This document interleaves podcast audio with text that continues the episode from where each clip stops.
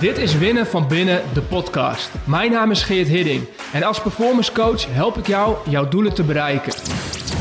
De weg naar succes komt met ongemak, twijfel en onzekerheid. Daarom praten we over mindset, gewoontes en skills en delen de beste tools om te winnen van binnen.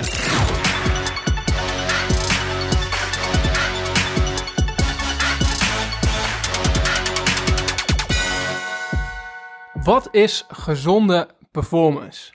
Dat is de vraag waar ik de komende periode mee aan de slag ga. En mijn inzichten en ideeën en tools met je ga delen. Want als ik kijk naar de praktijk, dan zie ik heel veel gevallen waarin de focus ligt op performance en high performance, uh, maar waarin de uitwerking daarvan uh, ongezond is. Waarin ik merk dat er een ongezonde energie achter zit en um, mensen zichzelf over de kop werken, te veel van zichzelf vragen, um, of misschien juist weer te weinig en de lat heel erg laag voor zichzelf leggen. En beide vormen van performance uh, zijn ongezond en leiden niet tot die resultaten die je wilt. Het helpt je misschien op korte termijn om op die manier je doelen te bereiken of een doel te bereiken, maar het helpt je nooit om voor een langere termijn succesvol te zijn.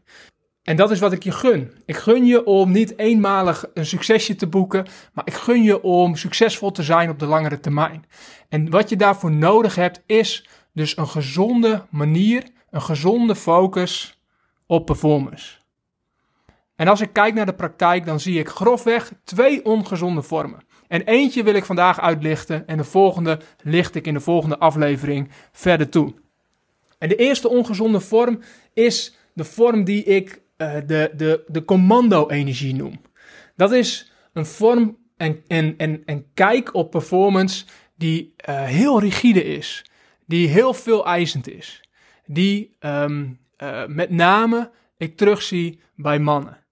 Dus ik zie heel veel mannen struggelen met performance, met een ongezonde vorm van performance, doordat ze um, terechtkomen in een soort van commando-energie. Oftewel, heel streng zijn voor zichzelf, alles heel erg gericht op routines, alles heel erg gericht op planmatigheid en uh, taken, heel taakgericht bezig zijn.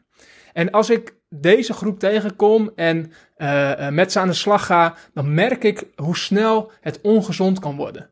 Want als je ze één vinger geeft, één tool geeft, um, dan is de kans vrij groot dat ze daarin doorslaan. Dat ze zoveel gelijk van zichzelf vragen dat de tool die je ze aanreikt uh, uh, ja, niet meer um, de werking heeft.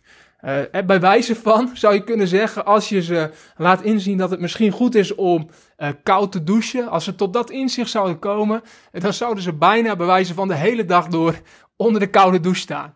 Of dan zouden ze zichzelf verplichten om echt heel streng daarin het koude douchen te volgen.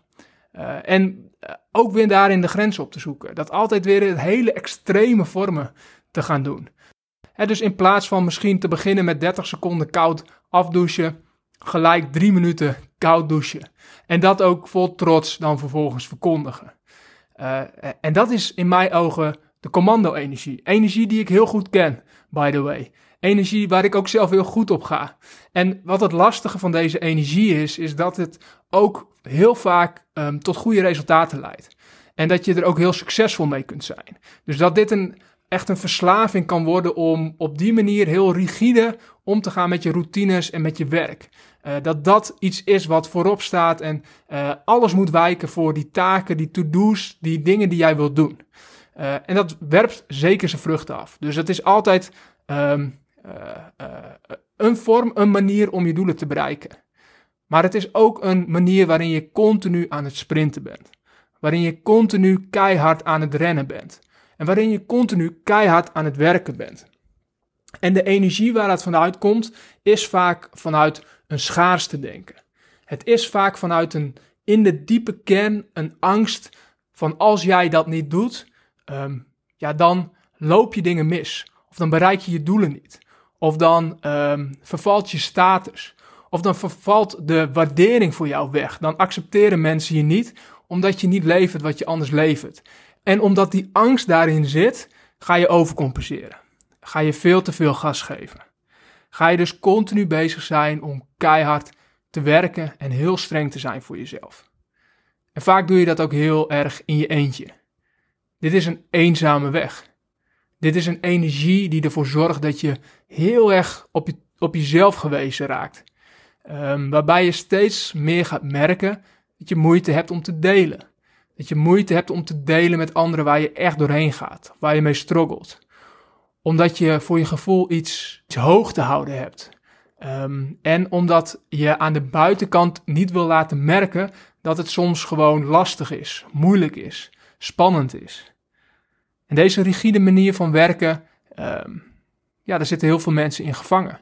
En het is een ongezonde manier. Het is in eerste instantie ongezond voor jezelf, uh, want de kans dat je jezelf over de kop werkt is heel groot. Um, het is ook ongezond gewoon voor je mentale gezondheid. Um, omdat datgene wat je doet, er zit een hele hoge mate van serieusheid in. Uh, je neemt alles heel erg serieus. Um, en, en het speelse is eraf. Het plezier is eraf. Uh, het genieten van het proces is er vanaf. Want je bent zo taakgericht, je bent zo resultaatgericht, dat je alleen maar daar oog voor hebt. En dus alleen maar voldoening voelt, voelt als je bepaalde resultaten bereikt. En als je dus pas over de finish komt. Maar het lastige van deze energie is ook dat die finishlijn, die bereik je nooit. Want die komt altijd weer verderop te liggen. Je bedenkt altijd weer een volgende stap. Er is altijd een nieuwe to-do. Er is altijd weer een nieuwe dag. Er is altijd weer een nieuw doel te halen. Dus vanuit deze energie ben je heel ongezond voor jezelf bezig, zowel fysiek, omdat je vaak te veel uren maakt, als mentaal. Je hebt te weinig plezier in wat je doet, je hebt te weinig ontspanning. En het is daarbij ongezond voor je omgeving. Want heel vaak is het zo dat je de lat die je voor jezelf hebt, die leg je ook bij je omgeving neer. En de kans dat het ten koste gaat van je relaties en dat het ten koste gaat van aanwezigheid bij de mensen van wie je het meeste houdt, ehm, die is heel groot. Omdat je opgeslokt wordt door het werk zelf. Dus dit is één vorm van energie, één vorm, ongezonde vorm van performance die ik heel veel zie. En de valkuil is enorm. En de verleiding om in deze energie terecht te komen, en zeker nogmaals als man, maar ik, het, het, is ook zeker zo dat vrouwen in deze energie terechtkomen. Uh, maar ik zie het veelal bij mannen. Het is ook een mannelijke energie waar dit bij hoort.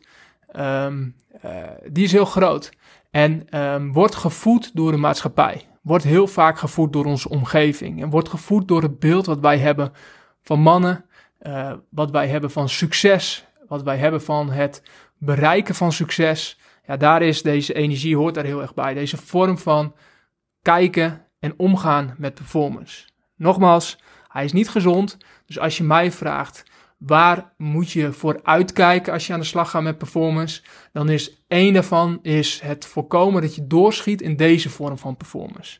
In de kern, laat me die als disclaimer er ook gelijk bij zeggen. In de kern is er niks mis met deze vorm. Er zit ook een hele grote kracht achter um, routines en afspraken met jezelf maken en die nakomen.